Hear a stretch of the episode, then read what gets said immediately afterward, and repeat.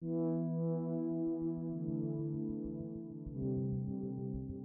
var så mye aleine òg. For han var innom, og så var han borte kun flere uker. Og jeg var aleine i 16 år. When you are rich, then you exist. When you have money, then you exist. When you are on a certain level, you exist. Vold i nære relasjoner er et stort helseproblem og kan kalles for en global pandemi. Likevel snakkes det ikke nok om. I denne podkasten vil jeg fortelle historier om partnervold gjennom åtte anonymiserte menneskers erfaringer. Jeg har selv jobbet med denne tematikken i mange år gjennom å undersøke min egen familiehistorie og gjennom mitt arbeid som journalist. Og det er viktig for meg at vi vet hva vi snakker om når vi snakker om vold. Hva som er vold, hvor vanlig volden er, hvor lenge den sitter i, og at det er mange der ute som vil hjelpe. Dette er en podkast om vold og overlevelse Mitt navn er Madeleine Schultz. En kort advarsel. Noen av beskrivelsene kan være vanskelig å lytte til. Vi har unnlatt å ta med de groveste fysiske voldsbeskrivelsene i denne podkasten, men de historiene vi skal fortelle, handler om flere former for vold. I denne episoden skal jeg fortsette å undersøke sårbare livsbetingelser som kan gjøre en ekstra utsatt i møte med volden. Senere skal du få høre historien til Eva, som utviklet en rusavhengighet som følger av volden. Men først skal vi få høre hvordan det gikk med Michelle. I forrige episode fikk vi høre om hvordan arbeidsgiveren hennes ble den som hjalp henne da hun ikke fikk den hjelpen hun trengte fra Nav.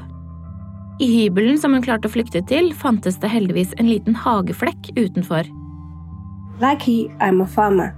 I always grow my own like vegetables and all that I don't really buy. I always grow for myself. So that really helped because from uh, the time the COVID started, I quarantined alone.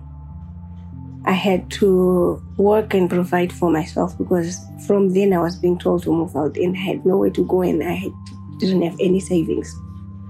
Etter at hun begynte på norskkurs og samfunnskunnskapskurs, så oppdaget Michelle at det fantes flere som henne, men at mange av dem var veldig redde. Og det er en av grunnene til at hun vil fortelle sin historie. People should know that there is quite a lot of us out there, but we will not speak because one, you're going to lose your paperwork. Two, if you have kids, you will lose your children. Three, if you don't have a job, You don't have anywhere else to go. You are depending on him. You don't have a choice. I didn't have a choice. I stayed for a year because I didn't have money for deposit. I don't have anything to start. So in that year, I started buying from a pot, a plate, a blanket. So I moved here. I only had this. You see this bed? It's like a bunk bed. If you look in there, there's another one a fridge, small freezer there, and my clothes. That's it. The people that moved here, the transporters, so they were shocked. So they're the ones that gave me this. This cupboard here, this bookshelf here. You see, if you go in my bedroom, there's another cupboard again because they were angry and they were not happy with the situation I was in. And they said, You can't just move in, you have nothing. Then they went to their house and they brought me some stuff to put in. So you can imagine if I didn't have a job, how many women out there, Asians, Africans, immigrants that don't have jobs, that are depending on their husbands, waiting on him and doing whatever he says. But my job saved me.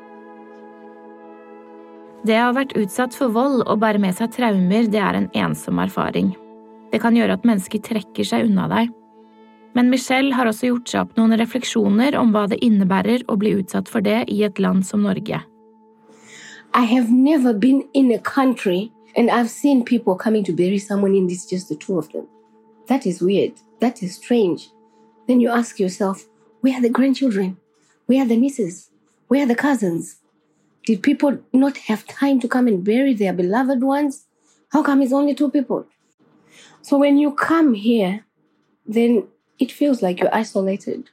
Even just walking around, just walk around outside there and ask for a cigarette. It is something that in Africa, you just walk out, anyone is smoking, you say, Can I have? No question. They pass. That should say something. Here, even just to greet, someone will look at you and say, Do I know you? Or maybe you want to ask for time, or maybe sometimes you just want to ask for directions, you're lost. They're going to look at you, then you say, Excuse me, no, I'm lost. I need to ask for directions. Some of them will actually pass you and won't even give you the directions.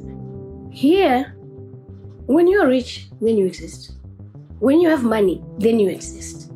When you are on a certain level, then yes, you exist.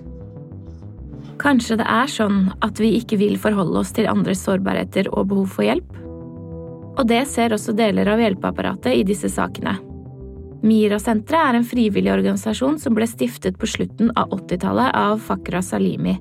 Og de arbeider med å bedre minoritetskvinners og jenters levekår i Norge, særlig gjennom integrerings- og likestillingsarbeidet. Sosialantropolog Kansa Ali er administrasjonsansvarlig på senteret. Og hun beskriver noe av utfordringene som de står i når det kommer til den gruppa som er utsatt for vold. Det vi ser, da, er jo at kvinner som kommer hit på familieinnvandring, eh, har begrenset mer rettigheter. Og det gjelder jo spesielt eh, når det å kunne bryte ut av forholdet. Eh, og de siste årene så har vi jo sett at det har blitt enda strengere.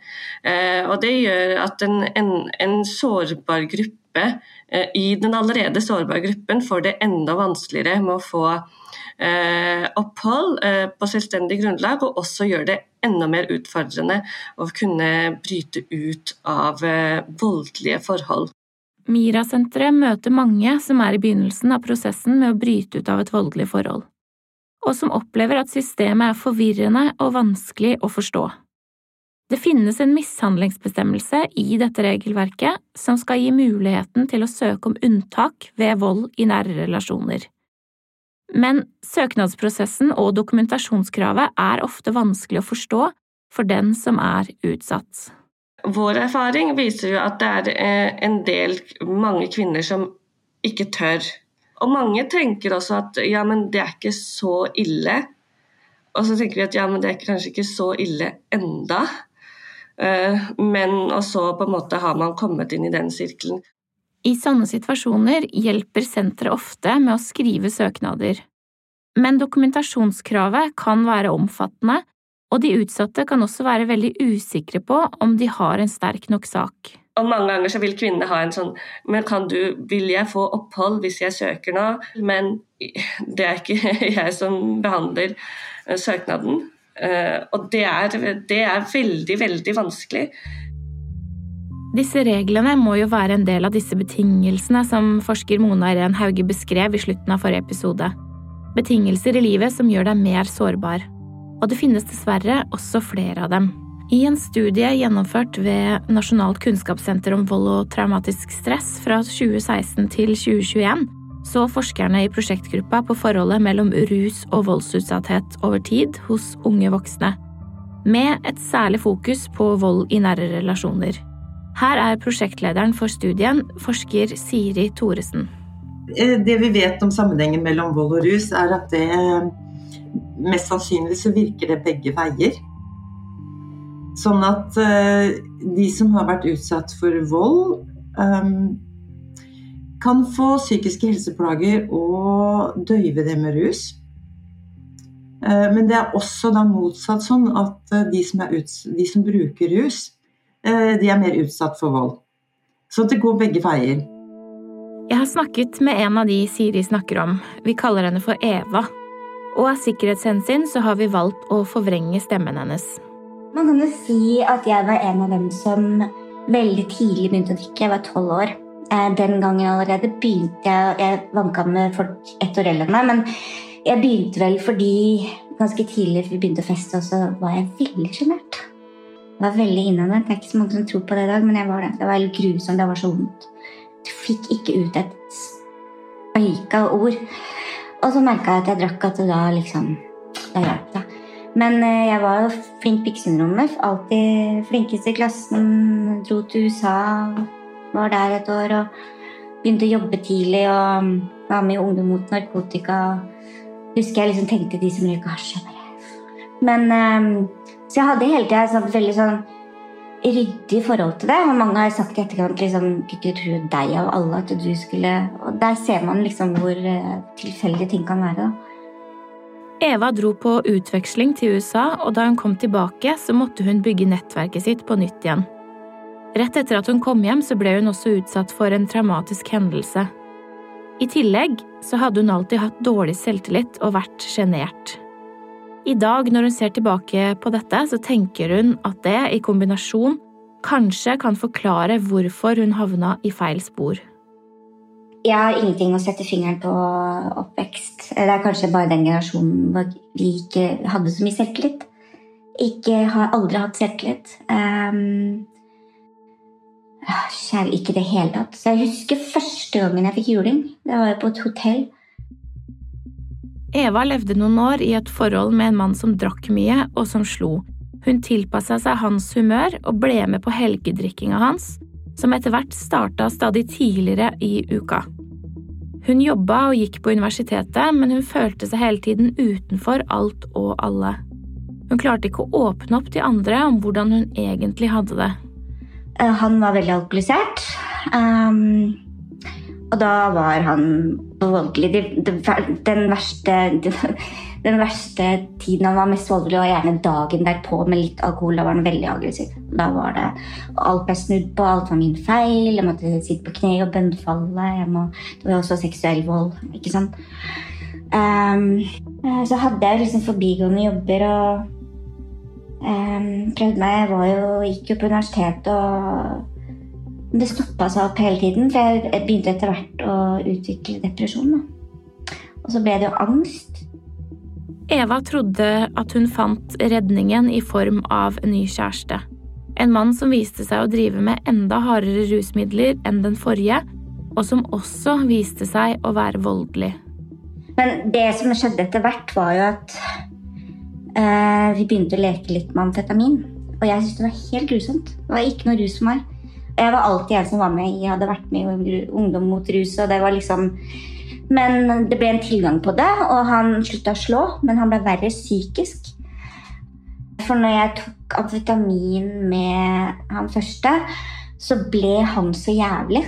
Eh, han slo ikke lenger, men det ble mer seksuelt. Og det ble mer psykisk. Hvor var, hvor hvis jeg gjorde Jeg fikk aldri lov til å gå ut med noen venner.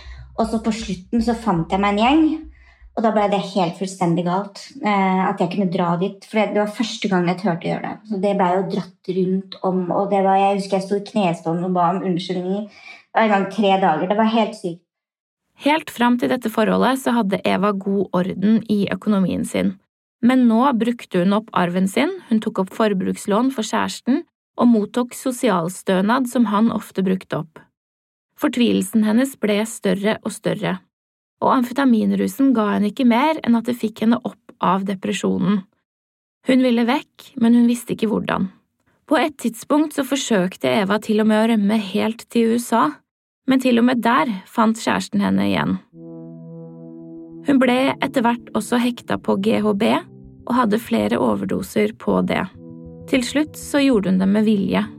Da var alt så svart at hun ikke orket mer. På et eller annet tidspunkt da, eh, så tenkte jeg at nå har jeg gitt opp. For jeg hadde ikke fått noe hjelp. Jeg hadde ingen. Det var blitt mye. Og da husker jeg akkurat idet du sier det, så mister du en barriere og et forsvar. Og da bare lot jeg meg rive ned. Og da ble det bare mer og mer destruktivt. Eh, og det var et rop om hjelp.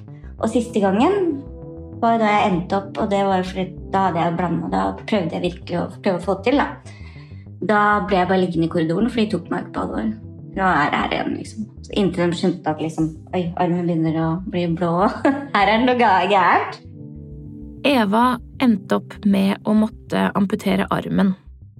Og så ble hun en kasteball i systemet. Psykiatrien pekte på rus, og avdelingen for rus pekte på psykiatri.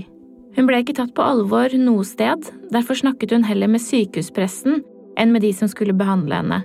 Presten så henne som et menneske, og ikke som et problem eller en diagnose. Halvtingen, vet du. Det er det verste. Um, allerede hadde jeg flytta til byen, husker jeg. Så jeg liksom mista kontakten med vennene mine. Um, de skjønte etter hvert hva som skjedde. Det var et par ganger han uh, dreit seg ut da, fordi han ikke klarte å skjule det. At det skjedde foran noen. Da. Noen så det. Um, har tenkt litt på hvordan jeg selv ville vært som venninne. Sånn, men det, det, handler litt om den der kunnskapen. Da. At folk ikke vet hvordan det er å være sammen med en psykopat. Og han gjorde jo alt for å snu alt på hodet. ikke sant?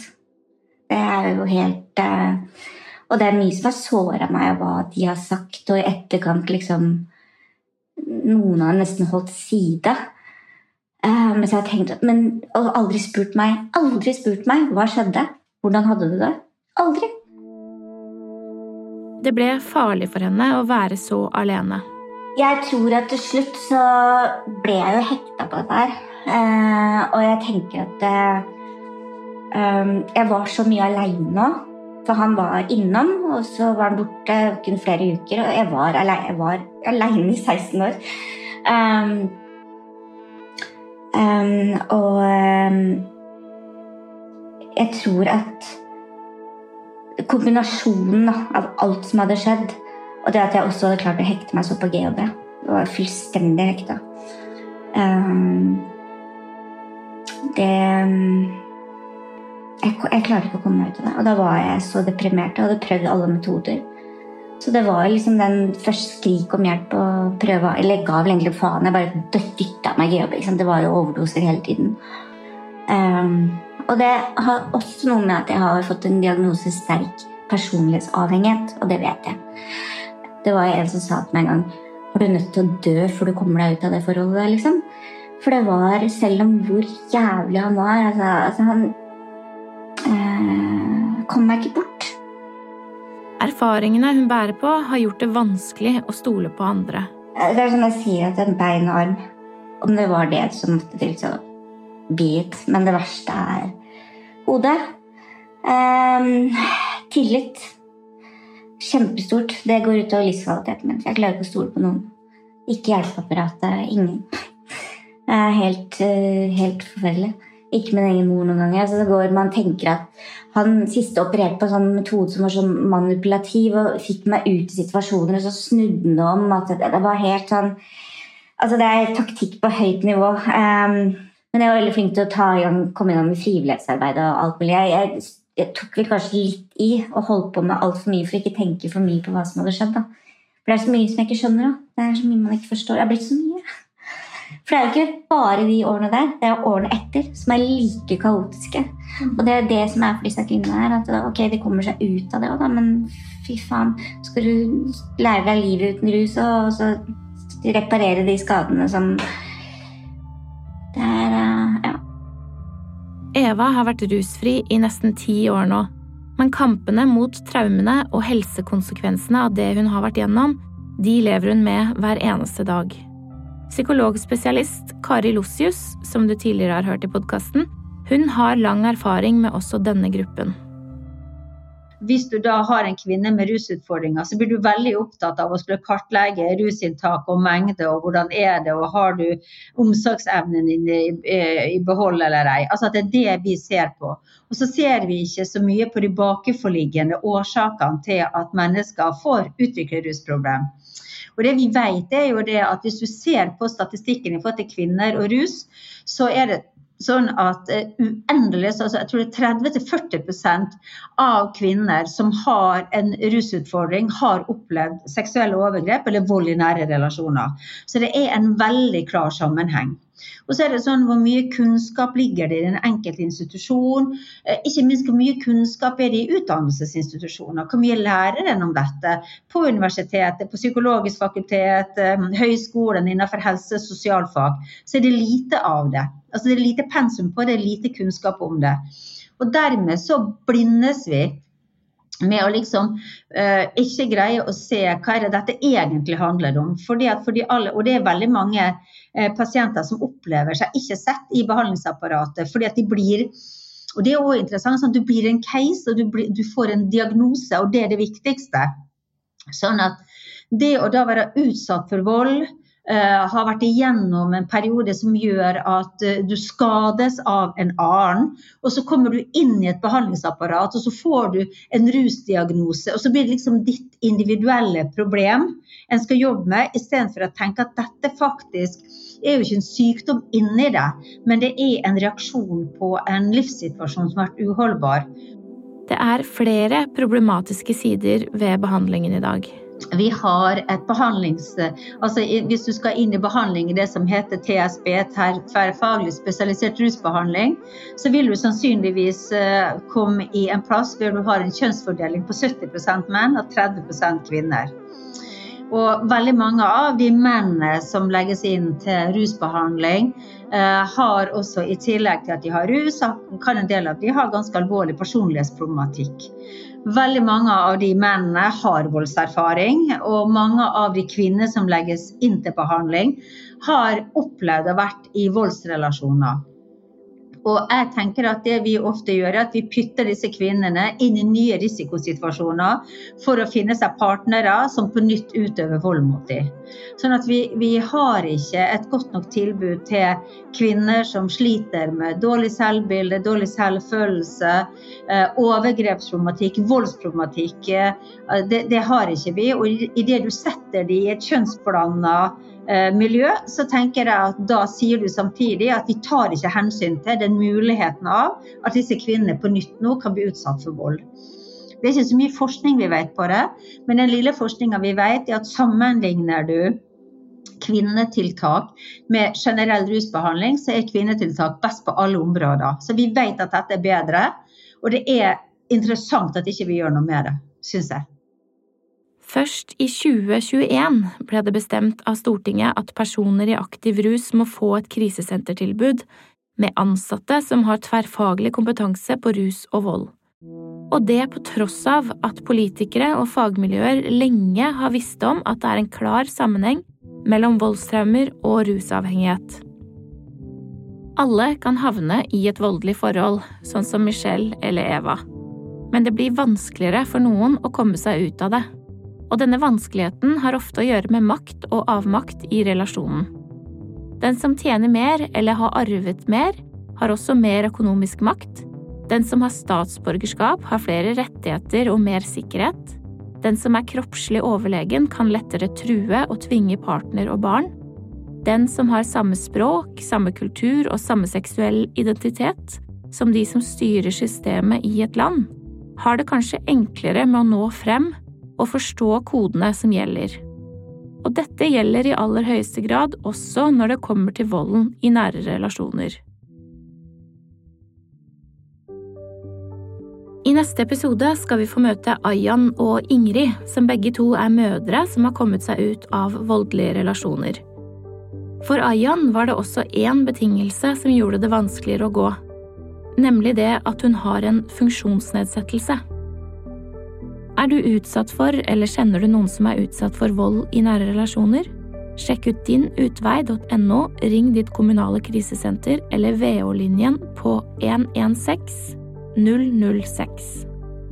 Denne podkasten er produsert eksklusivt av Filt for Psykologisk institutt ved Universitetet i Oslo og Norske kvinners sanitetsforening. Research, manus og klipp ved meg, Madeleine Schultz. Produsent er Anne Gerd Grimsby Haarr, og koprodusent er Ida Palin Bostadløkken.